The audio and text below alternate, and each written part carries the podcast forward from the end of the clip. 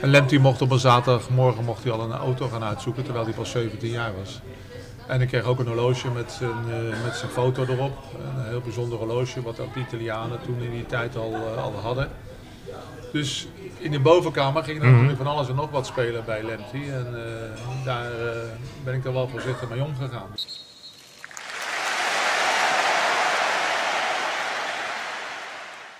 Juni 1989. PSV is kampioen geworden. BVV Den Bosch eindigde als zevende in de eredivisie en RKC behaalde een keurige elfde plek. Veendam degradeerde dat jaar en de SLM vliegramp vindt plaats in die maand. Ook juni 1989. Pelé zag zijn opvolger bij een jeugd-WK in Schotland, Nie. Joris Kaper schreef een boek over de man die ooit gerekend werd tot het grootste voetbaltalent van de wereld. Die te kampen kreeg met een loesje makelaar, twee kinderen verloor, een fout huwelijk had, erachter kwam dat zijn drie dochters niet zijn biologische kinderen zijn en de nodige financiële problemen had. En toch, die lamp die krabbelde op en heeft nu een voetbalschool in Ghana. Een podcast met de auteur Joris Kaper, Aad de Mos, zijn eerste trainer in Europa, Jim Holthues, hoofdredacteur Staantribune en Edwin Muis. Joris, een boek over Nilamti. Hoe ben je Ja. daar in hemelsnaam bijgekomen? Nou, het is nooit het idee geweest om echt een, een- boek te schrijven over Neil Lemty. Ehm, Het idee is eigenlijk ontstaan bij Staantribune. Ik wilde gewoon eigenlijk een artikel schrijven voor Staantribune. Ik kwam eigenlijk via via de naam Neil Lemty tegen, ergens op internet, Wikipedia. Ehm, en ehm, ja, ik was eigenlijk als PSV-fan was ik benieuwd van, joh, wat is er met Neil Lemty gebeurd? Wist wel wat dingen over Neil Lemty, ehm, maar niet heel veel. Ehm, ben, op zijn, eh, ben een beetje onderzoek gaan doen. Ehm, toen dacht ik, goh, eh, interessant verhaal. Daar wil ik een eh, artikel over schrijven voor Staantribune. Ja. Neil Lemty benaderd via een omweg. Afspraak gemaakt om voor een telefonisch interview te doen. In de week voorafgaand aan het interview opnieuw wat dingen online gaan zoeken over Lemty. En ehm, ja, toen kwam er zoveel dingen kwamen naar boven dat ik denk van ja, hoe moet ik dat in vredesnaam in één interview samenvatten? Weet je, dat, dat lukt nooit. Dus toen heb ik hem eigenlijk eh, gevraagd van joh, heb je ooit overwogen om een, eh, om een boek te schrijven? Ehm, had hij gedaan, maar hij zegt van ja, eh, ik heb ja, geen flauw idee hoe, hoe ik dat moet doen. En eh, toen heb ik hem een voorstel gedaan van joh, eh, eh, ma- mag ik een eh, voorstel doen om, eh, om jouw boek te gaan schrijven? En eh, ja, daar is hij akkoord mee gegaan. ja. En was dat vanuit ehm, jouw PSV-achtergrond? Of was het meer van, dit is zo'n mooi verhaal? Dat, zeg ik tussen aanhalingstekens, want het is een heel triest verhaal. Ja, ja, nou ja, goed, het is een triest verhaal, maar wel interessant om Ja. over te schrijven, want het is ja, zoveel. En kijk, hij heeft toevallig, ik bedoel, PSV is de link waardoor ik bij uh, Lemty ben uitgekomen. Maar weet je, als hij bij een andere club had gevoetbald, had ik dat waarschijnlijk ook wel aangedurfd. Want het, eh, ja, het verhaal zelf is gewoon eh, heel interessant, hoe hij als ja, groot talent te boek stond. En ja, door ja, problemen eigenlijk, het is er nooit uitgekomen eigenlijk. Ja. Was het lastig om hem eh, te pakken te krijgen? Want hij woont in, in Ghana, neem ik aan. Ja, hij woont in Ghana. Ehm, hij, ik, ik wist eh, ja, vanuit onderzoek, hij heeft een, eh, op een gegeven moment een, een school opgezet in, eh, in Accra, in Ghana. Eh, ik wist de naam van die school. Ik ben die, eh, die naam gaan googlen. En toen heb ik volgens mij een stuk of vijf telefoonnummers gevonden. Ehm, nou, ze deden het allemaal niet. Ik kreeg ja, willekeurige genezen mensen aan de lijn. Er was nog één telefoonnummer over, een, een mobiel telefoonnummer in Ghana. Dat heb ik gebeld.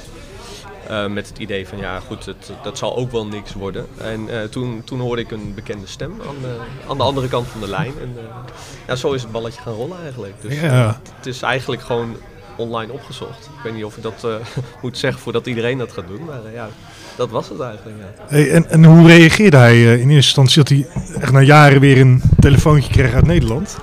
Ehm, nou, dat vond hij, vond hij wel leuk. Maar ik, ik merkte ook wel aan het begin, op het moment dat we echt gingen praten, dat het een soort van ja, standaard verhaaltje was wat hij aan het afsteken was. Ik bedoel, kijk, het verhaal is wel redelijk bekend van die Lemty en, en, de, en de problemen. En hij heeft eigenlijk een soort ja, standaard verhaal bijna ontwikkeld, wat hij normaal gesproken tegen iedereen van de media vertelt. Maar eh, op het moment dat je echt eh, heel veel met hem gaat praten, zit er nog ja, veel, veel meer achter eigenlijk dan het standaard verhaal wat hij normaal tegen de media vertelt. Dus, uh... En uh, jij zegt het is, het verhaal is redelijk bekend, maar voor de luisteraars die het nog niet kennen, wil, zou je het kort kunnen samenvatten?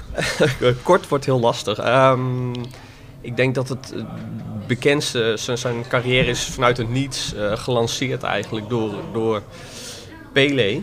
Pele die, die zag hem spelen op het jeugd-WK van, van 89. Um, en hij hoefde maar één wedstrijd te zien en hij had al de conclusie getrokken van joh, dat wordt de nieuwe Pele. Hè? Uh, wordt mijn uh, opvolger. Die is zo goed. Dat gegeven kwam overal in de kranten te staan. Um, dus uh, in, in, Ghana, maar ook in, Groot-Brittannië. En iedereen dacht dus van joh, Neil Lemty is de nieuwe Pele. Want ja goed, als Pele dat zegt, dan, dan zal het wel waar zijn. Um, is toen naar Anderlecht gekomen, heeft daar eigenlijk uh, goed gepresteerd. Uh, vervolgens naar, uh, naar PSV gegaan. Um, maar hij heeft eigenlijk de, de, de hooggespannen verwachtingen niet waar kunnen maken. Eigenlijk door tal van redenen. voetbaltechnische redenen. Maar ook ja, heel veel problemen in zijn privéleven. en zijn carrière is eigenlijk als een, ja, als een nachtkaarsje uitgegaan. En uiteindelijk is hij niet bekend geworden als een nieuwe Pele, maar gewoon eigenlijk het standaard voorbeeld van uh, ja, een, een, een, groot talent dat het om welke redenen dan ook gewoon niet uh, waar heeft kunnen maken eigenlijk. Dus ja. Uh, ja. dat is eigenlijk aan de ene kant triest. Aan de andere kant is die vergelijking met Pele. Ik bedoel, als jij op je veertiende hoort van joh, dat je door Pele zelf gebombardeerd wordt tot, tot zijn opvolger, ja, dan kan het niet anders of het kan alleen maar tegenvallen eigenlijk. Dus. Aad, jij hebt hem naar uh, Anderlecht gehaald. Of tenminste, jij was toen trainer van Anderlecht. Ja. Um, hoe, hoe ging dat trouwens? Ja. Nou, hij speelde in 89 het uh, WK onder de 17. En uh, daar was uh, mijn assistent van Anderlecht. Die was daar aanwezig geweest, Sean Dox. Ja. En die had hem aangerecommandeerd bij, bij Anderlecht om hem te gaan halen. En ik werkte toen nog bij KV Mechelen. Ik ging het seizoen erop uh, naar Anderlecht. Dus mijn eerste jaar met Anderlecht was wel met, met Lemty. Lemty is daar eigenlijk uh, ontvoerd door een speler van mij, een stopper, die helaas te vroeg is overleden, Keshi. Zeer bekende voetballer uit Nigeria. En die heeft in opdracht van Michel Verschuren heeft hij eigenlijk hem opgehaald in Ghana. Want hij mocht het land eigenlijk niet uit. Hij was nog te jong. En uh, ze zijn met z'n drieën gearriveerd bij Anderlecht. Dat waren drie Ghanese die ook in dat WK-elftal stonden. Dat was Preco, een aanvaller, die later ook uh, naar uh, Turkije is gegaan. Hij heeft een grote carrière toch wel gehad. Sterke spits. En Azare, een, een middenvelder. Dus deze drie jongens die, die zijn bij Anderlecht terechtgekomen.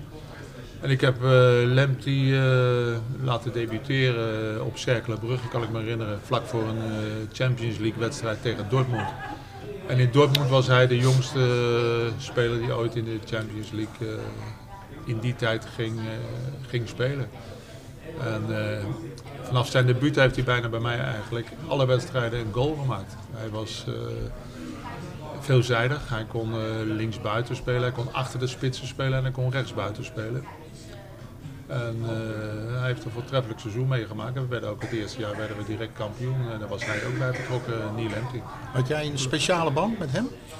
Ja, ik had wel een speciale band. Want er waren drie jongens die uh, uh, uit de vreemde natuurlijk. Dat vraagt een enorme aanpassing. Het waren kinderen natuurlijk. En, ik moet zeggen, Anderlecht heeft daar voortreffelijk in gewerkt. En ze hebben op Anderlecht was ik eigenlijk uh, de vader van die drie. En uh, buiten het voetbalgebeuren was uh, Cassie. die drie jongens die sliepen dan in het huis aan de overkant bij de Theo van Beeklaan bij Anderlecht. die hadden een speciaal huis waar de buitenlanders konden slapen en konden wonen. En werden er ook in begeleid. Maar s'avonds in de, in, de, in de zware uurtjes, het gemis van vader en moeder en ver weg vanuit Afrika in Brussel, uh, heeft Cassie ze met zijn vrouw en zijn kinderen heel goed opgevangen. Want ze waren altijd eigenlijk bij uh, papa Cassie, zeiden ze altijd. En daar keken ze ook enorm tegenop. En Cassie was natuurlijk ook een boom van een kerel en een geweldige persoonlijkheid. Mooi, mooi. En, en, hoe deed jij dat, zeg maar, uh, ja, je zegt net buiten het veld was het Cassie. En hoe deed je dat bij Anderlecht zelf? Hoe, je zegt, was een soort vader voor die jongens. Hoe, hoe deed je dat dan? Ja, in ieder geval uh, de jongens kijken of ze, uh, of ze goed aten. In het restaurant naast uh, Anderlecht konden ze altijd dan eten. En ik, ik, bleef dan vaak hangen. Ik ging mijn krantje nog wel eens lezen. En, ik controleerde dat wel een klein beetje, hoe ze dat deden. En ik was wel een liefhebber. Ik keek ook altijd naar de wedstrijden van de tweede ploeg, waar zij ook regelmatig speelden. vooral Preco en Azare. En, ja, dat hebben ze natuurlijk altijd wel als prettig ervaren. En ik kon lekker met ze communiceren, omdat ze dus vrij goed Engels spraken, alle drie al. Mm En dat was wel heel prettig en ze waren heel leergierig, behalve Lemty. Oh, want? Nou, Lemty kreeg wel heel snel verdette-neiging. Dus wij gingen vaak uh, duurlopen doen op dinsdag in, uh, in, in, het bos. Zoals hier bij de hertgang hadden wij een speciaal bos waar we altijd met, met de bus naartoe reden in Halle. Dat was een kilometer of tien uh, voorbij het Astridpark.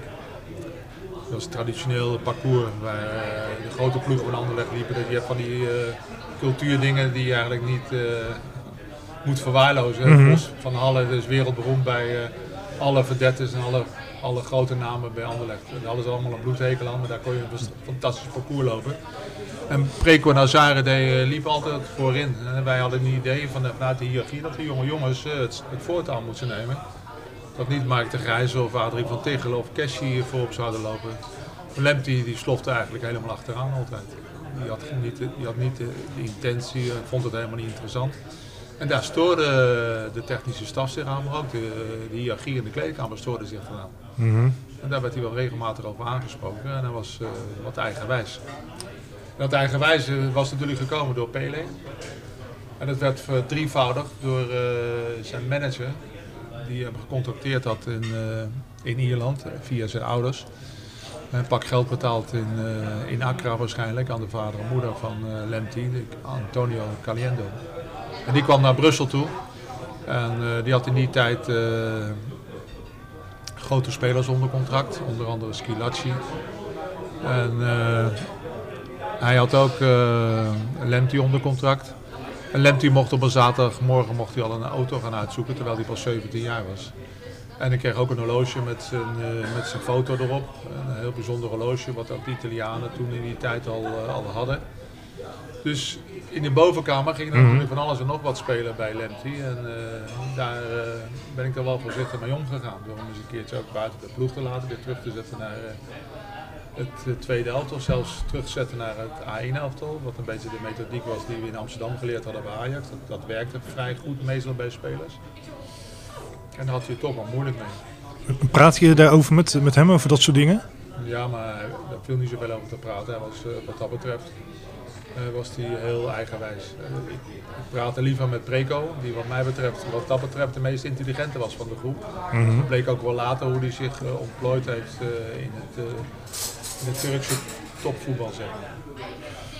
Maar, uh, maar je hebt hem toch later naar PSV gehaald toen jij erheen ging. Ja, omdat mijn opvolgers, uh, die heel snel na mij passeerden, het niet zagen zitten in hem.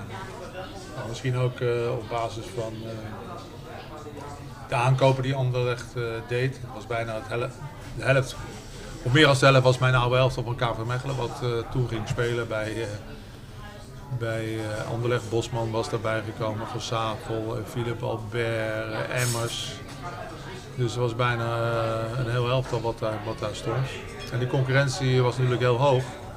En wellicht, ik heb er nooit over gesproken met Neumann of met Boskamp, liepen die tegen dezelfde problemen aan waar ik tegenaan liep. En dat was voor hun nog makkelijker ja. om hem buiten de ploeg te laten. Want ze hadden totaal geen binding met hem vanuit de basis, zoals ik Mhm. die had. Ja. zoals hij binnenkwam als klein jongetje met zijn twee vriendjes uh, bij Anderlecht. Hey, en, en, Joris, wat, wat, wat zegt Lemty er zelf over?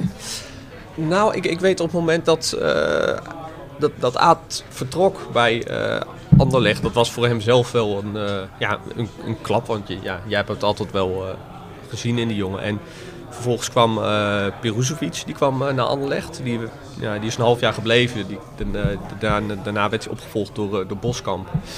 Um, ik weet wel dat hij in die zomer moest hij uh, voetballen op de Olympische Spelen in uh, Barcelona in 92. Uh, dat ging eigenlijk heel goed. De bronzen medaille gewonnen voor, voor Ghana. Eerst Olympische voetbalmedaille voor een Afrikaans land volgens mij. Ehm, maar hij speelde daar ook met injecties. Hij kwam terug bij Anderlecht en hij zei eigenlijk, hij kwam eigenlijk geblesseerd terug. Ja, mensen bij Anderlecht die waren hartstikke boos. Die, die dachten van ja weet je, nu lemt die, die, kunnen gewoon een paar maanden lang geen, geen gebruik van maken. Dus het eerste half jaar heeft hij uh, ook helemaal niks gespeeld. Uh, vervolgens gaat uh, Peruzovic, die gaat weg, Boskamp terug. Um, maar Anderlecht deed het wel vrij goed. En ik denk ook dat Boskamp totaal geen reden zag om iets te veranderen aan het team. Want ja goed, uiteindelijk wordt het team ook kampioen. En Lemte heeft dat seizoen volgens mij één keer mogen opdraven in het, in het eerste. Mm -hmm. um, maar zoals Atel zei, ja, weet je, hij, hij, hij was wel op een gegeven moment dacht hij van ja, maar ik wil meer en ik, ik ben wel klaar bij uh, Anderlecht. Ik wil een stap hogerop maken. Inderdaad ook een beetje uh, ja, op een vrij makkelijke manier zich gek laten maken door, door Caliendo, de, de, zijn manager die hij uh, had. Zegt hij dat zelf ook, dat die, dat die makelaar een ja, wat negatieve invloed op hem had? Ja, ja, en ook uh, ik heb met Michel Verschuren gesproken, de oud, oud manager van Anderlecht. En die zei hetzelfde eigenlijk. Toen, toen hij binnenkwam had hij eigenlijk ja, heel veel vertrouwen in, in, in Anderlecht. Uh, super blij dat Anderlecht hem had gehaald. Maar op het moment dat hij met Caliendo in zee gaat, is dat vertrouwen eigenlijk blindelings overgegaan in, in Caliendo. En is hij zich echt van de club gaan vervreemden. En echt meer naar zijn manager gaan luisteren. En veel minder naar, naar ja, de mensen van de club eigenlijk. Um, dus op een gegeven moment speelt hij niet meer bij uh, Anderlecht. En hij dacht echt van ja weet je, ik wil de volgende stap maken inderdaad. En toen toen kwam PSV op zijn pad. Volgens mij eh, heeft hij eerst is hij, op proef geweest bij PSV. Uh, want Anderlecht wilde hem eigenlijk eerst niet uh, verhuren. Ze wilden hem eigenlijk gewoon voor de hoofdprijs ook verkopen. Op dat moment dachten ze echt van ja, we kunnen echt nog miljoenen voor Lemty vangen.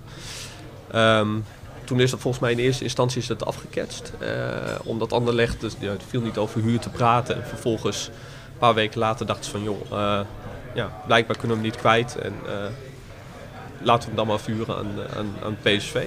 Mm -hmm. um, ja, wat uiteindelijk het, beste seizoen uit zijn carrière is uh, gebleken als je afgaat op de, op de Bij PSV bedoel je? Ja, ja. Toen hij, hij werd topscorer samen met, met Arthur Newman.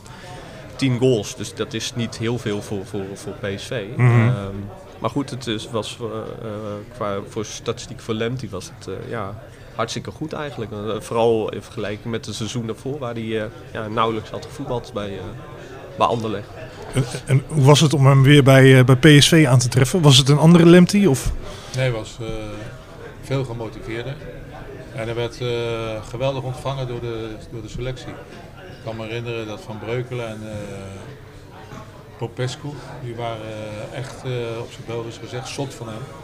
En die hebben hem enorm geholpen. En, uh, hij speelde een fantastisch seizoen. Hij heeft toen 10 of 12 goals gemaakt, maar ook een hoop assist. En, uh, het is doodzonde hè, dat, uh, dat ik toen weg moest bij, PSV. En dat is weer een voorbeeld dat je als jonge speler moet je geluk hebben met je coach. Mm -hmm. Het kan niet van toeval zijn geweest dat hij bij Anderlecht onder andere trainer nooit speelt. En bij PSV eigenlijk weer de verdette wordt en de publiekslieveling wordt. En ja, na mijn vertrek bij PSV ook weer moet vertrekken. En door de goede relatie die uh, Verschuren had met Ploegsma. Even terugkomen op zijn verhaal, hebben we dat er doorheen kunnen krijgen. Met PSV en Anderlecht al een paar keer tegen elkaar gespeeld hadden in het begin van de kwalificatie van de Champions League. En Ploegsma en Verschuren, dat was die konden lezen en schrijven met elkaar. En ik heb daar natuurlijk ook een rol in gespeeld dat ze hem wel in mijn handen durfden te geven. Voor het geval die door zou breken, en dat deed hij bij PSV, dat ze weer een transfer soms zouden kunnen vangen Anderlecht. Mm -hmm. hoe, goed, hoe, goed, had hij kunnen worden, Aad? Als alles een beetje had meegezeten? Goede begeleiding, ja. privé. Hij heeft de pech gehad dat ik uh, twee keer ben ontslagen bij, uh, bij Anderlecht en bij PSV. Ja. Dat, dat ze mij de tijd niet hebben gegeven want was, uh, dat is meer op basis van jaloezie gebeurd en wrijving uh, in de politieke sfeer bij het management dan op de resultaten die ik had bij PSV. En daar is hij eigenlijk een beetje de dupe van geworden. Had ik wat langer kunnen blijven bij Anderlecht, had hij bij mij een vaste waarde geworden. Ja. Had hij zich verder kunnen ontwikkelen. En had hij wellicht zijn niveau gehaald van, van het WK onder 17, waar Pele zei dat hij een grote verdette zou kunnen worden. En uh, bij Anderlecht had hij meer kans gehad dan bij PSV, omdat Anderlecht eigenlijk een, een nog beter en veel beter elftal had dan de PSV van na Anderlecht, wat ik coachte hier in Eindhoven. Ja, dat waren fantastische spelers met Nilis, uh, de Grijs, Oliveira. en dan die andere spelers die erbij waren gekomen van, van KV Mechelen, die al mhm. prijzen hadden gewonnen. En uitzonderlijk goed waren ook. Dus als hij zich daar tussen had kunnen manoeuvreren in mijn systeem met, uh, met vier spitsen, dan had hij misschien uh, veel verder geweest. Maar pra wat praten we? Want ik, ik, ik heb ook eens het idee, hij was op, hij werd ver, kijk ook even jullie alle twee aan, Joris en Aad. Um, hij is op zijn 14 al enorm groot gemaakt. Ik, de naam Freddy Adu schoot me gelijk te binnen. En er zijn er nog wel een paar die ik kan, kan bedenken. Maar praten we over, die, over een speler die in potentie een wereldster had kunnen worden? Of heb ik het over iemand als JJ Okocha, dat niveau? Fantastische voetballer, subtop Duitsland. Waar moet ik aan denken? Ik denk het laatste. Ja? ja. Ik denk dat zijn gestalte en zijn uh, vermogen tussen de oren hem altijd parten, hadden gespeeld in het negatieve. Dus uh, die jongens zijn natuurlijk... Uh, niet gevormd zoals een speler zoals bij Ajax of bij, bij Barcelona. Mhm. Die hebben een bepaalde school. Dat zijn natuurlijk straatvoetballers. En vanuit de intuïtie en vanuit instinct. Maar er komt natuurlijk ook nog wat anders bij kijken. die vorming van de bovenkamer, die bij Ajax en Barcelona op de toekomst en Messi wordt dat natuurlijk ook begeleid tot en met. En daarin schieten deze Afrikaanse kinderen natuurlijk altijd tekort. Want die hebben die begeleiding nooit gehad. Ze zijn begonnen met op blote voeten spelen. Niks te nadelen, nadelen daarvan, maar de maatschappij waarin zij dan in één keer worden geïmplanteerd met luxe en alles wat erop uh, bij komt kijken. Dat is de, de bottleneck voor dit soort Afrikaanse spelers. hij is niet de enige die daarin ontspoord is. Er zijn er velen die daarin ontspoord zijn. Ja.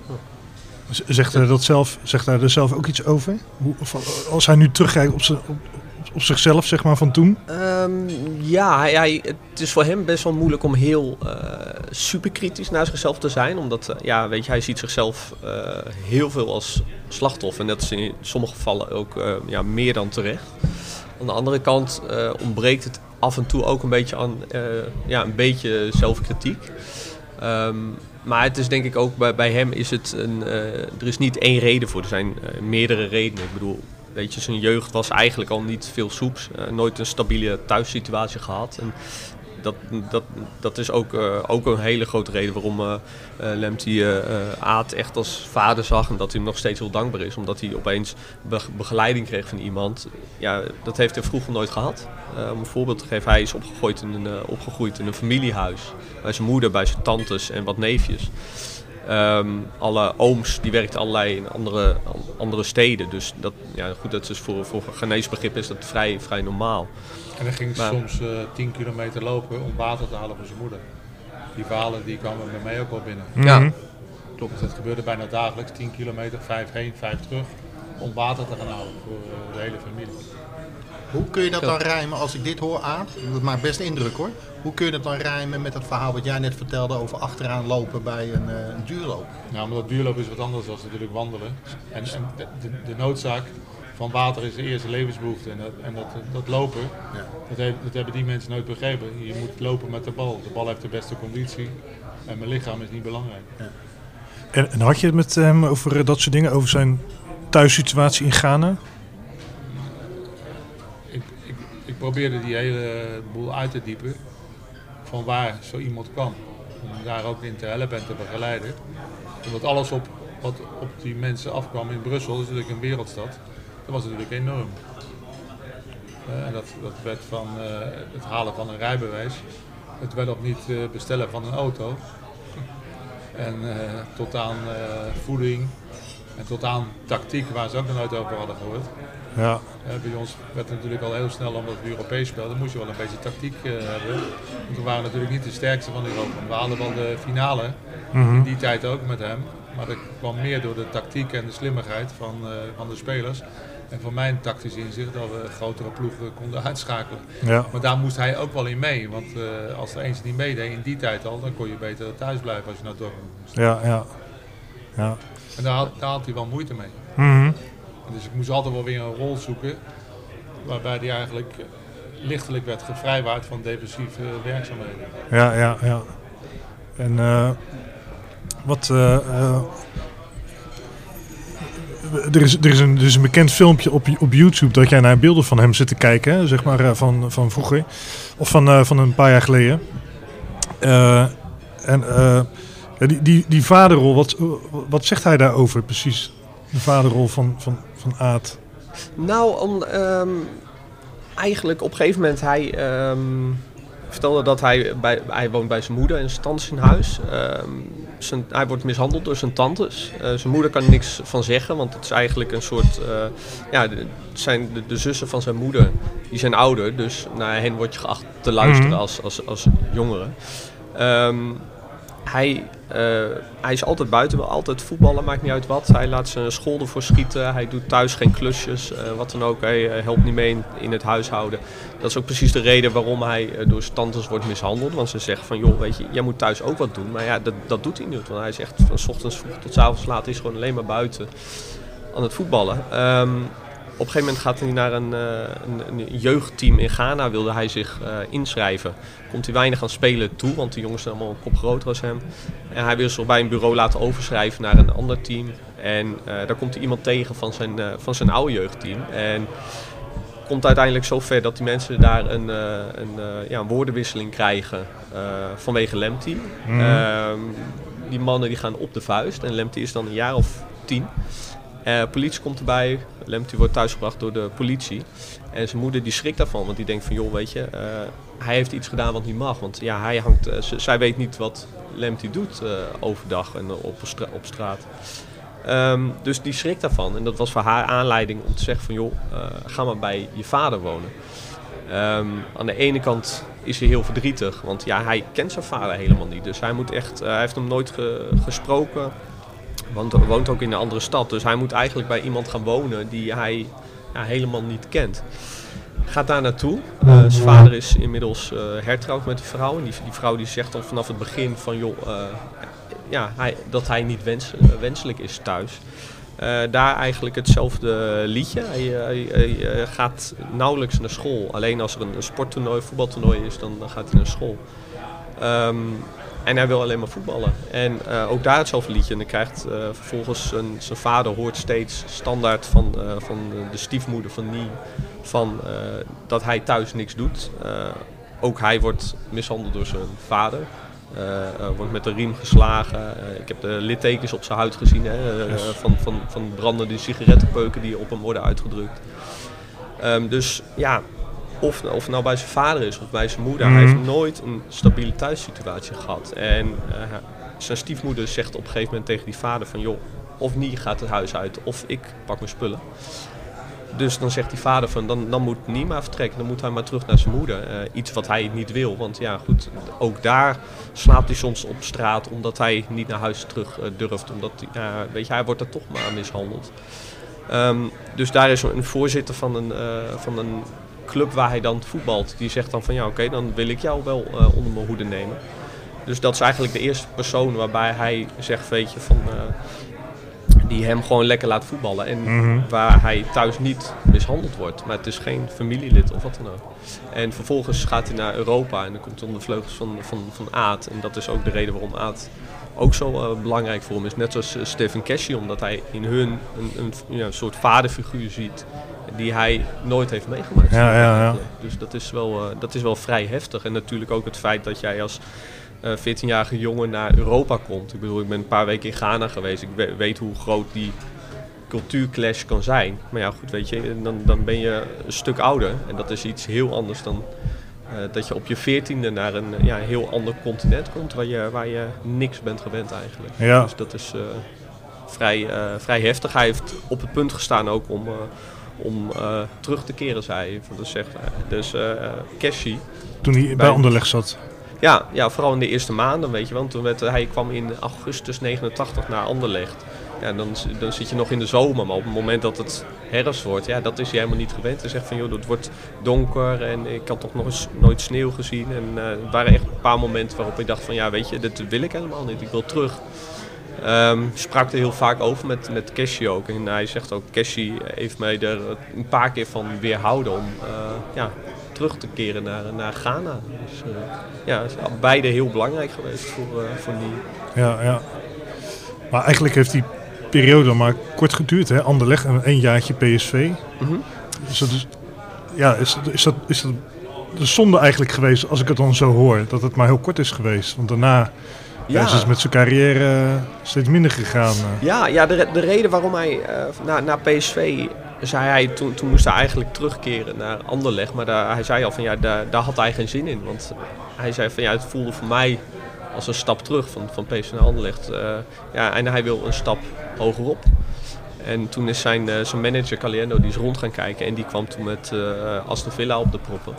En uh, ja, achteraf zegt hij ook van ja, ik had no nooit naar Engeland moeten gaan. Want uh, ja, in de, in het was midden jaren negentig. Je had een paar ploegen zoals Manchester United die, uh, die voetbalden heel ja, modern, laten we het modern noemen. En heel veel andere ploegen die daaronder zaten, dat was nog gewoon het, echt het ouderwetse kick-and-rush voetbal. Ja, dat is totaal niet nieuw spel. Uh, dus eigenlijk ook niet verwonderlijk dat hij uh, bij Aston Villa eigenlijk uh, niet of nauwelijks al spelen toekwam. Volgens mij maximaal 10 wedstrijden heeft hij gevoetbald dat seizoen. Um, en vervolgens is hij nog een jaar in de Premier League gebleven bij Coventry City. Die speelde destijds Premier League. Maar dat was eigenlijk precies hetzelfde verhaal als Aston Villa. Hij begon in de, in de eerste maanden vrij goed. Maar ja, dat was eigenlijk op, vanuit de niets was dat klaar. En het tweede seizoen zelf was uh, voornamelijk wedstrijdjes in het, uh, in het tweede voetballen. En hij zat daar weer alleen, zeg maar. Dus, of hoe was die opvang daar dan? Want hè, ik hoor goede verhalen over Anderlecht en, en PSV, -hmm. maar hoe was dat in Engeland voor hem? Nou, hij kreeg bij uh, Aston Villa kreeg hij manager Ron Atkinson. En daar kon hij het eigenlijk goed mee vinden. Um, maar hij werd, uh, Atkinson werd bij Aston Villa al vrij vroeg uh, ontslagen.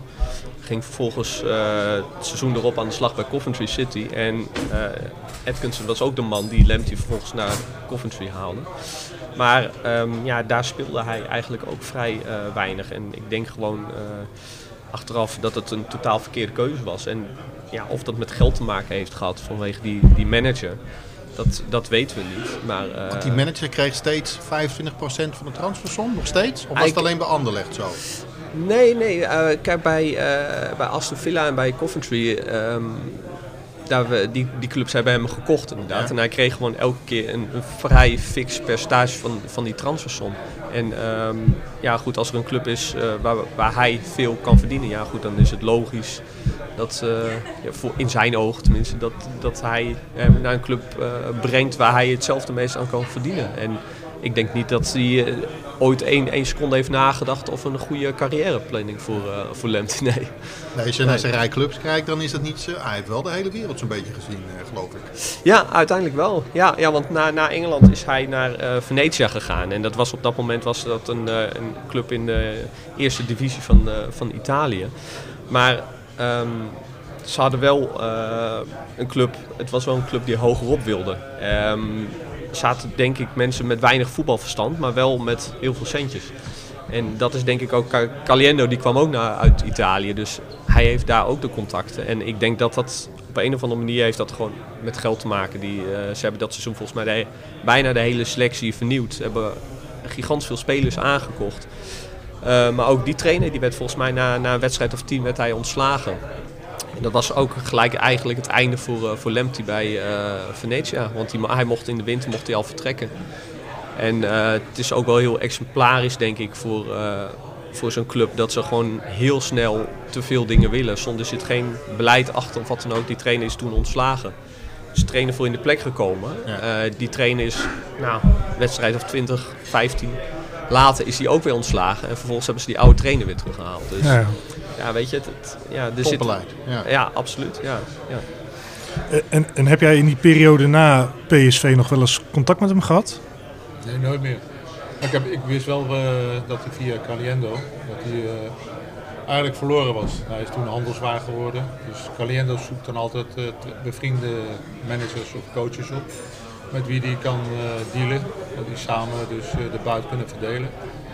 Dus Edkersen was zo'n zo'n manager, die kende ik uit de tijd van uh, Jesper Hols. Toen die was, die was, heb ik hem al een paar keer ontmoet. Mhm. Bij het zaken doen met Ajax. Hè, dat eh, Jesper toen naar eh, Manchester onder Atkinson ging. En,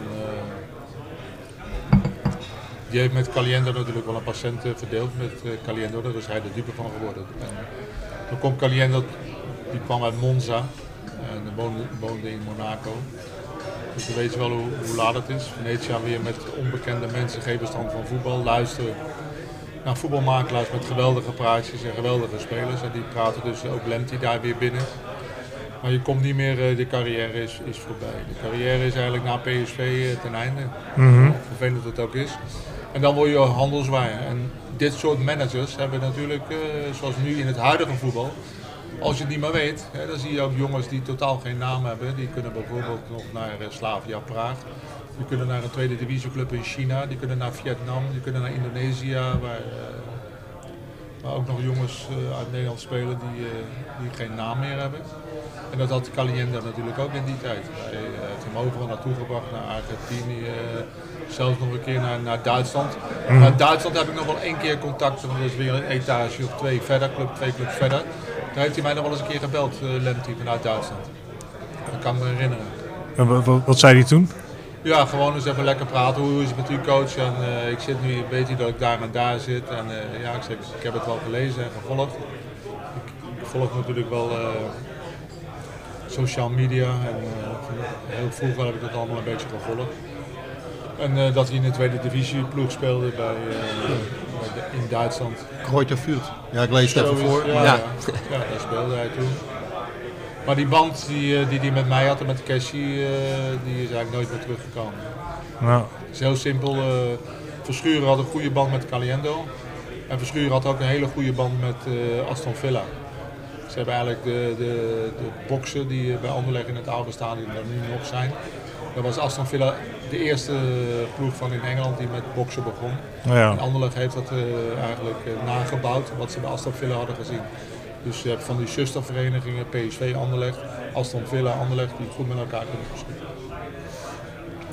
En eh, zo'n zo'n verhaal als van Lemty, heb jij, heb jij dat vaker gezien in je, in je carrière? Zo'n zo'n jonge jongen en hoe dat gaat met die spelersmakelaars? Want hij zal niet het enige voorbeeld zijn geweest die jij hebt meegemaakt. Ik heb, ik heb er nog eh, drie Ghanese gehad bij, eh, ik had er altijd een zwak voor. Had ik hier in, eh, in Nederland zien spelen. Pieter Visser wilde die ook al naar Chelsea halen. Ik was Pieter eigenlijk een stapje voor. Omdat ik toen vanuit Maastricht in het Spelershotel ben gegaan. Ik heb die drie toen naar, naar Standard Luik gehaald. Mijn periode bij Standard Luik. Dat was Blee, was een hele goede stopper. En die heb ik twee keer gehad. Ik heb die nog een keer als technisch directeur naar Mechelen gehaald. En eh, Dan Ladi. Het waren echt eh, hele, goede, hele goede spelers. Ik had het toevallig bij de reunie eh, afgelopen zaterdag in Engelenbak bij Ajax. Had ik, het- had ik het nog over met Wamberto. Ja, ja. Die speelde toen ook bij mij in het elftal, die Braziliaan. Maar die wist ook niet die drie namen nog te noemen. Maar ook deze jongens zijn op het verkeerde pad geraakt, zeker Blee. Blee ging in supermarkten in Luik ging die stelen. Dus kwam, eigenlijk kwam de politie weer naar de club toe dat hij daar dvd'tjes had gestolen, terwijl hij een fantastisch contact had. Maar die jongens hadden dat allemaal nog nooit gezien en die dachten, ja, dat pak ik maar mee. Stop het. Dus de jongens, eh, ja, een gebrek aan eh, cultuur, een gebrek aan begeleiding. En wij dachten altijd goed te doen door de twee of drie te nemen, dan hebben ze nog wat aan elkaar. Mhm. Soms is het beter om de twee of drie bij elkaar te zetten. Dan hebben ze, het nog, eh, dan hebben ze er iets aan. Maar het zijn eigenlijk de grote en sterke jongens eh, die het alleen maar volhouden. Keshi was een voorbeeld met eh, Charlie Musonda en eh Kalusha. Mhm. Het waren eigenlijk persoonlijkheden. Die hadden eigenlijk geen steun nodig. Die, die, die, die hadden toch wat scholing en spraken goed Engels. En, ja, dat zijn voorbeelden. Keshi is een geweldige trainer geworden later ook. Heeft met Nigeria veel gewonnen. Kalusha is nu nog bestuurslid van de FIFA. Eh, vanuit Zambia gezien. Mhm. Dus deze jonge jongens, eh, ja, die, die waren eigenlijk eh, moeilijk te begeleiden. En de, de cultuur en de, de welvaart in Europa heeft ze eigenlijk eh, genekt. Ja, ja. Ja, eh, want jij bent ook een... Hoeveel vaak ben je in Ghana geweest voor dit boek? Eén keer. Eén keer. Eén keer, ja. Gewoon een aantal weken achter elkaar inderdaad. Ehm, maar dat is, ja, het is heel, eh, heel anders. Ik bedoel, ik ben in allerlei andere landen geweest, gewoon eh, voor verre vakanties en dergelijke. Maar het is gewoon, eh, het leven is daar zo anders. Als je kijkt, als je bewijs van 50 dollar wint met een kraslot, dan denken ze van, oh mooi, dan kan ik weer een week verder. Dan verschijnen ze een week niet op werk. En ja, dan vervolgens is die 50 dollar op en dan, ja, dan denken ze, nou goed, dan moet ik maar weer aan het werk. En dan, dan melden ze zich weer, zeg maar. Dus echt veel meer dag tot dag leven. En ja, totaal of een, totaal geen, eh, nauwelijks rekening houden met, uh, ja, met een bepaalde, bepaalde toekomst. Mm um, een groot verschil is, is nu, kijk, het is nu is, is uh, vroeger de, de, reden dat Lemty onder andere mishandeld werd, is omdat hij alleen maar buiten was, alleen maar met voetbal uh, bezig, hij deed thuis helemaal niks. En nu wordt voetbal heel erg als een verdienmodel gezien in Ghana. Nu zeggen ouders juist van joh, uh, ga maar lekker straat op, ga maar lekker voetballen. Want dan uh, ja, kan je later mooi uh, geld voor ons verdienen. Dus dat is, er is ook een complete wildgroei aan, aan voetbalacademies ontstaan. Je hebt een aantal goede maar je hebt ook echt een aantal uh, academies die er alleen maar zijn om gewoon, uh, ja, waar, waar, waarbij mensen gewoon geld willen verdienen aan, uh, aan die spelers. En ja, dat is zonde, want die jongens die hopen op een betere toekomst. Terwijl je van tevoren al kan vertellen, ja, bij bepaalde scholen dan ga je dat niet krijgen. En hij heeft er nu zelf ook een opgericht, hè, aan zijn carrière. Klopt. Ja, ja hij is begonnen in, in de nadagen van zijn carrière. Toen voetbalde hij volgens mij in Dubai, wanneer, toen, toen hij ehm, eigenlijk na ging denken over een, uh, over een school. Hij is zelf natuurlijk, uh, ja goed, hij werd wel geacht om naar school te gaan. En zijn moeder vond het ook belangrijk om naar school te gaan. Maar ja, hij ging nooit. En uh, het schoolgeld werd, niet altijd betaald. En af en toe ging hij wel.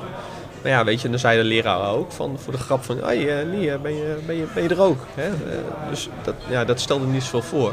Maar hij dacht wel van, ja, achteraf is dat natuurlijk wel een reden dat hij gewoon heel makkelijk in bijvoorbeeld de praatjes van, van Caliendo is getrapt. En dat het gewoon een hele makkelijke prooi werd omdat hij, ja, hij wist van niks. Ook uh, qua sociale vaardigheden, uh, maar ook qua lezen, schrijven, dat soort dingen. Ja, weet je, hij, ik denk dat hij nooit ooit één letter gelezen heeft van de contracten die, uh, die hij onder zijn neus heeft geduwd gekregen van, van Caliendo. Dus ja, goed. Ook al kon hij op een gegeven moment lezen, ja, weet je, hij, hij begreep niet wat er werd gezegd ook. Um, dus dat heeft hem heel veel ellende opgeleverd. Dat is ook de reden waarom hij heeft gezegd van uh, ik ga een uh, school oprichten om, om, kinderen in Ghana eigenlijk een toekomst te geven die ik vroeger niet, niet heb gehad. Um, en dat is rond 2004 is hij daarmee begonnen. loopt hartstikke goed. Toen een aantal jaren later werd hij assistenttrainer bij een, een club in, in Ghana. En toen dacht hij eigenlijk na een jaar van ja, waarom zou ik dit zelf niet gaan doen? Waarom zou ik zelf niet een eigen voetbalacademie eh, gaan oprichten? Dus die, die is hij in 2009 eh, is hij, eh, is hij dat begonnen. Mm heeft, is begonnen met een onder 17 en onder 19 team. Heeft, sinds vorig jaar volgens mij heeft hij ook een onder 15 team erbij zitten. En ja, dat is echt zijn, ja, zijn, zijn passie geworden. Dus daar is hij ook een groot gedeelte van de tijd mee bezig. Eigenlijk de school runt hij zelf niet, laat hij aan andere mensen over. Maar uh, daar is hij dan denk ik één dag in de week en de rest is hij gewoon op zijn, uh, zijn voetbalacademie. Waar die, uh, ja, daar wordt hij hartstikke blij van. Dus, ja. nou, nou, we allemaal wel onze portie leed meegemaakt in het leven. Als je maar oud genoeg wordt, maak je genoeg mee. Maar als ik oplees wat hij heeft meegemaakt. Ja.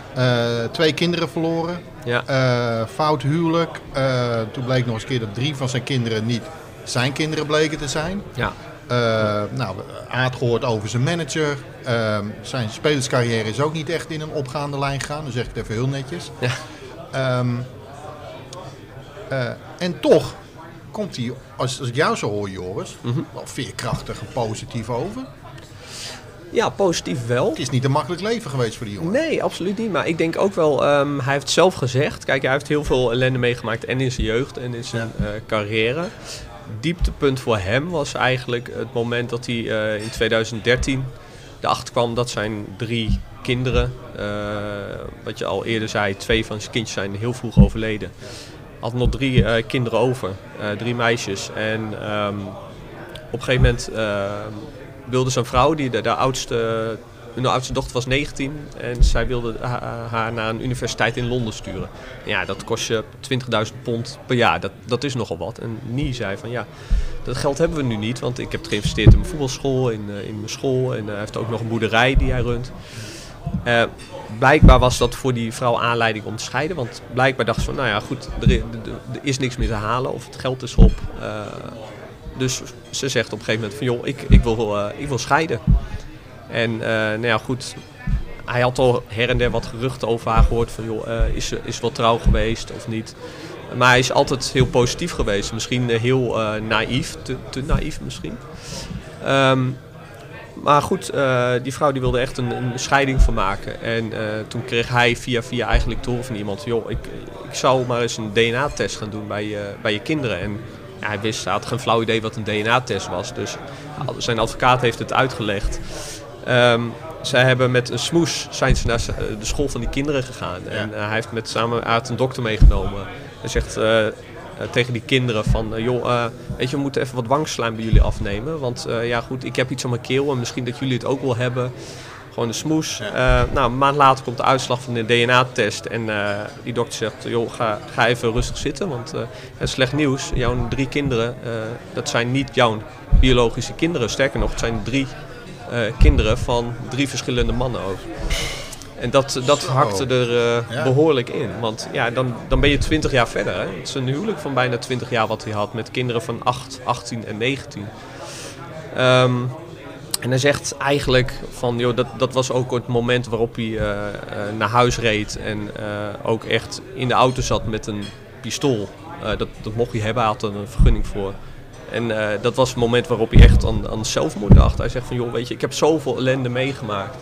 Eh, maar dit is echt het dieptepunt in mijn leven. En eh, achteraf zegt hij van, ja, hij moet ook concluderen dat alles wat hij heeft meegemaakt in het verleden, dat dat juist de dingen zijn geweest die hem ook sterk hebben gemaakt. En die er uiteindelijk misschien voor gezorgd hebben dat hij juist ja, heeft gedacht bij zichzelf van joh, weet je, als ik dat allemaal heb eh, eh, overleefd, dan wil ik dit ook overleven. Dus eh, ja, uiteindelijk heeft hij, is dat misschien de reden geweest dat hij er geen eind aan heeft gemaakt.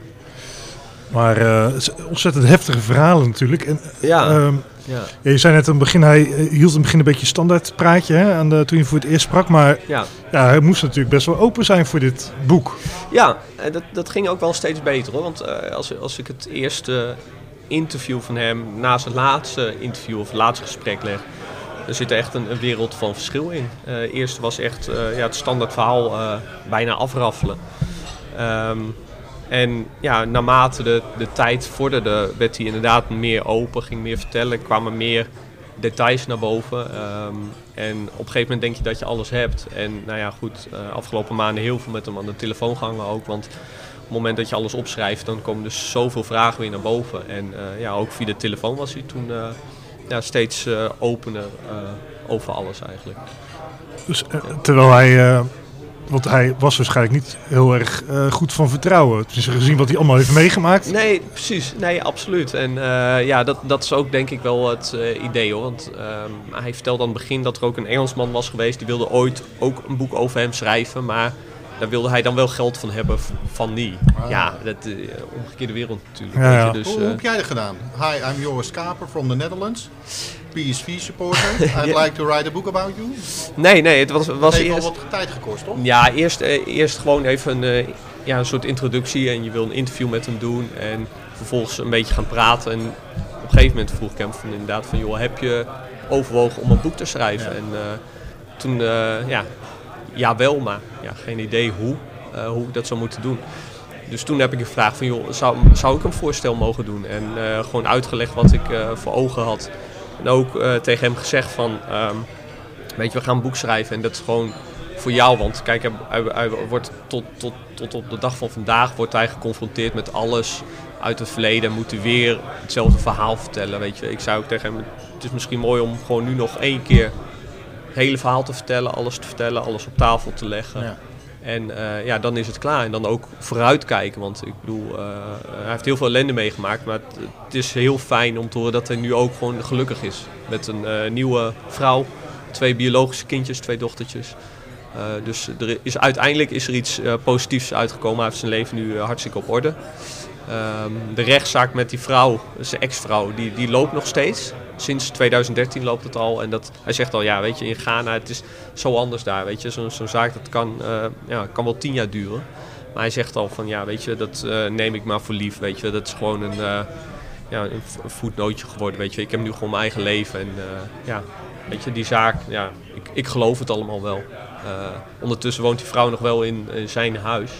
Hij huurt al jarenlang een huis. Dat is het enige puntje. Maar dan gaat het dan echt om, ja, om het huis, om het eh, eh, geld en dergelijke. Eh, maar hij zegt ja, dat is nu voor mij bijzaak geworden. En, en kunnen we hem ook, misschien een rare vraag, kunnen we hem ook in Nederland, dat klinkt een beetje raar, komt hij naar Nederland voor de lancering van een boek? Of? Heb ik eh eergisteren met hem over gehad. Hij komt waarschijnlijk komt hij rond 16 mei. Komt hij in ieder geval naar, eh, naar België. Dan speelt Anderlecht de laatste wedstrijd van het seizoen volgens mij.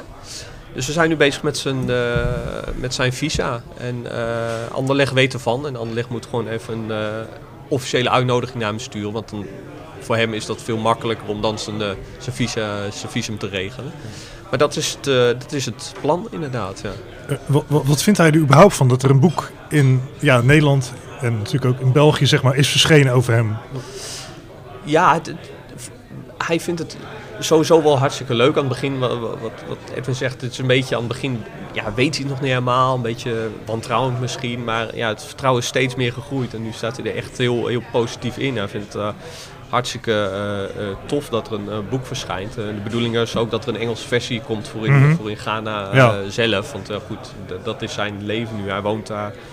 Ehm, maar dit vindt hij allemaal hartstikke leuk. En eh, hij vindt het ook hartstikke leuk om naar, eh, vooral naar België te komen. Omdat eh, ja, hij draagt Anderlecht eh, echt nog wel een, een warm hart toe. En de mensen die hem hebben geholpen, hè, Aad en ook Michel Verschuren, draagt hij gewoon nog een, een wa- warm hart, eh, hart toe. Oké. Hey, en, en is hij in, in Ghana, is hij daar nog een big star zeg maar? Ja, ja, toch wel. Hij is, de laatste jaren, kijk, zijn hele eh, afgelopen jaren is vooral zijn privéleven heeft op straat gelegen met eh, ja, de hele scheidingszaak, weet je. Eh, het is een beetje te vergelijken met, met nu al het gedoe met, met Wesley en Joland een beetje. Ik bedoel, alles wat zij doen, dat, dat komt in de media terecht. Dat is met hem ook gebeurd. En ook allerlei beschuldigingen van zijn ex-vrouw over eh, huiselijk geweld. Hè. Die, die vrouw die heeft een paar keer aangeklaagd voor huiselijk geweld. Terwijl eigenlijk gewoon kan bewijzen ook van, joh, er is helemaal niks gebeurd. Eh, en andere dingen, eh, die vrouw die heeft gezegd dat hij onvruchtbaar was. En dat dat de reden was dat zij met andere mannen mocht gaan slapen. En ja, echt bizarre dingen. Maar ja, goed, het is allemaal dingen over zijn privéleven. Maar, eh, eh, maar hij wordt heel veel eh, herkend. Of het nou politieagenten zijn of willekeurige mensen op straat. Weet je wel, overal is het nog steeds van hé, hey, Black Star. En iedereen herinnert hem nog wel echt als een, als een grote voetballer. Die wereldkampioen met Ghana onder de 16 is geworden in, eh in 91. Nou, ik wilde dus net zeggen, wij zitten hier nu drie kwartier te praten. Het gaat eigenlijk alleen maar over waar het mis is gegaan met Neil Lemty. Mhm. Ik kijk even naar Aad. Maar het was natuurlijk ook een jongen die godschuwelijk goed kon voetballen. Zeker. Anders kan je bij Anderlecht, eh, als je debuut maakt en al die wedstrijden die hij gespeeld heeft, niet altijd een goal maken. En voor de goede orde, voor de jongere luisteraars, Anderlecht was echt een topclub in die tijd. Ja, eh, Anderlecht, Europees. Anderlecht eh, heeft voor het laatst nog een keer een eh, Europese finale gespeeld tegen Sampdoria. Ja. Het grote Sampdoria met uh, Vialli en Mancini, en met Cerese Tonino, met Boskov op de bank. Dat was in, in Keutenbrugge, daar was hij ook bij.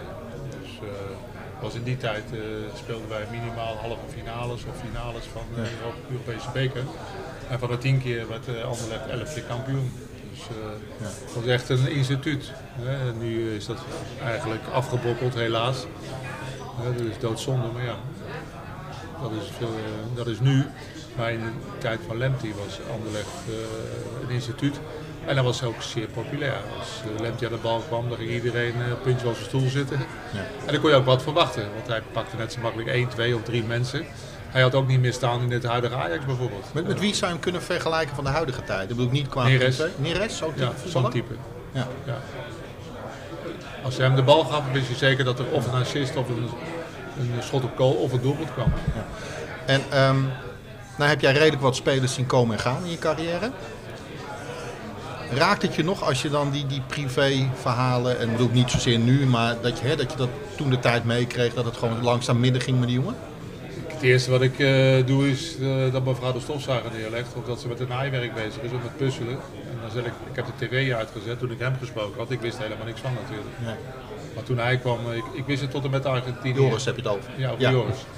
Toen hij mij vroeg eh, over een documentaire, geloof ik. Ik weet niet of hij dat was of iemand anders. Die, die vroeg mij over een documentaire. Die is ook verschenen bij, bij Fox Sport, geloof ik. En die kwam ook met die verhalen. Dus over dat, uh, over het DNA. Dat die drie kinderen die van hem waren. En uh, wat hij dan nu deed. En uh, ja, natuurlijk deden we dat wat. En ik heb ook mijn twee dochters direct gebeld.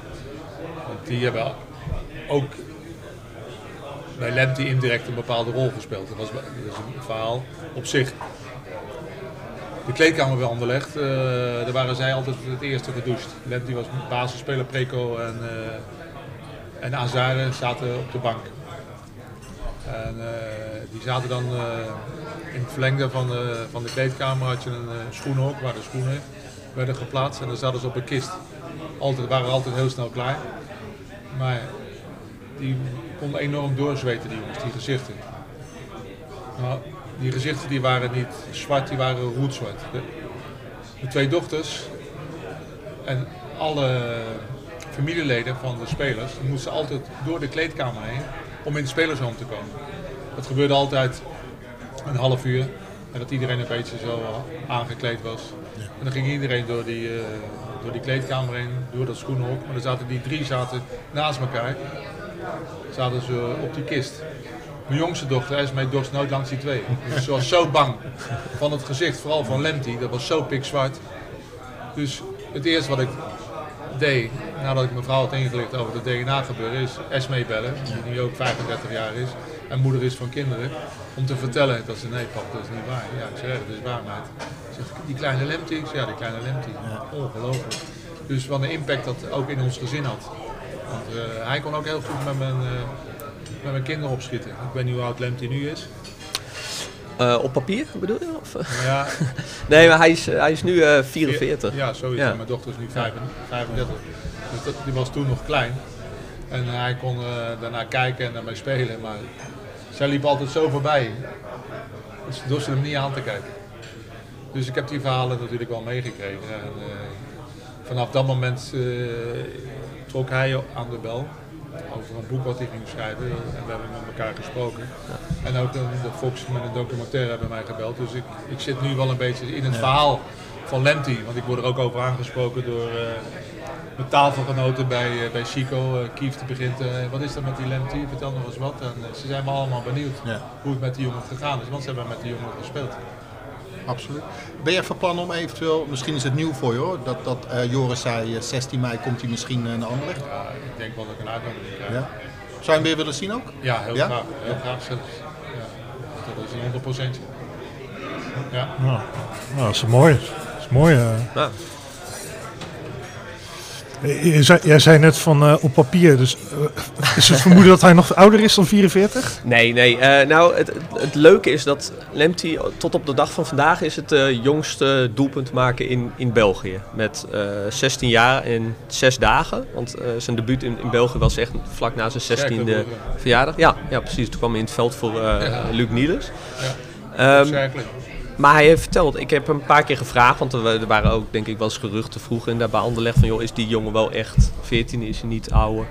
Um, maar het, de, ja, het, het, scheelt maar een paar weken. Maar hij zegt wel van, uh, iedereen denkt dat ik op 10 december 1974 ben geboren. Het is, uh, het is 30 december. Hij zegt hoe die fout ontstaan is. Ja, dat weet, weet ik wel. Dus, zijn, dus die moeder van hem, yeah? die hem uh, mishandeld heeft die gingen dus uh, wachten tot er weer een baby was bevallen. En die gingen ze drie tegelijk uh, aangeven. Ah.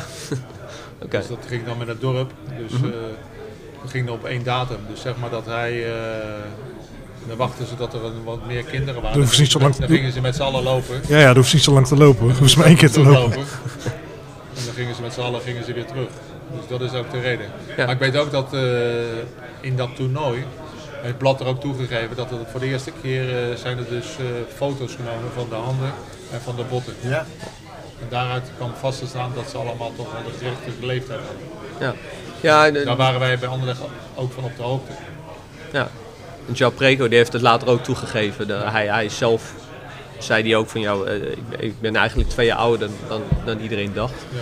Maar Lemty zegt dat het is geen 10 december, het is 30 december. Dus het, het scheelt maar 20 dagen. Maar met terugwerkende kracht heeft hij natuurlijk wel zijn, uh, zijn eigen record verbroken. Ja, ja. Want het is dus 16 jaar, 6 dagen, het is 15 jaar en 351 dagen om precies te zijn. Dus Ja. het eigenlijk uh, ja, goed zijn eigen record uh, verbroken. Hey, en Joris, natuurlijk een beetje een geëikte vraag als het gaat over een boek. Maar waar is het te verkrijgen en vanaf wanneer? Um, het boek is uh, momenteel is het al te, te bestellen bij uh, Staantribune. Het komt over een paar weken is het echt overal te bestellen. Je kan het uh, bestellen zonder verzendkosten bij Staantribune. Dan krijg je 23 april krijg je het binnen. En vervolgens is het nog twee weken exclusief te verkopen, ook bij Staantribune. Um, en vervolgens, een paar weken later, dan, ja goed, als je, als je zo lang wil wachten, dan kan dat ook. Maar uh, ja, goed, het scheelt je in ieder geval de verzendkosten als je, als je hem nu bestelt bij Staantribune.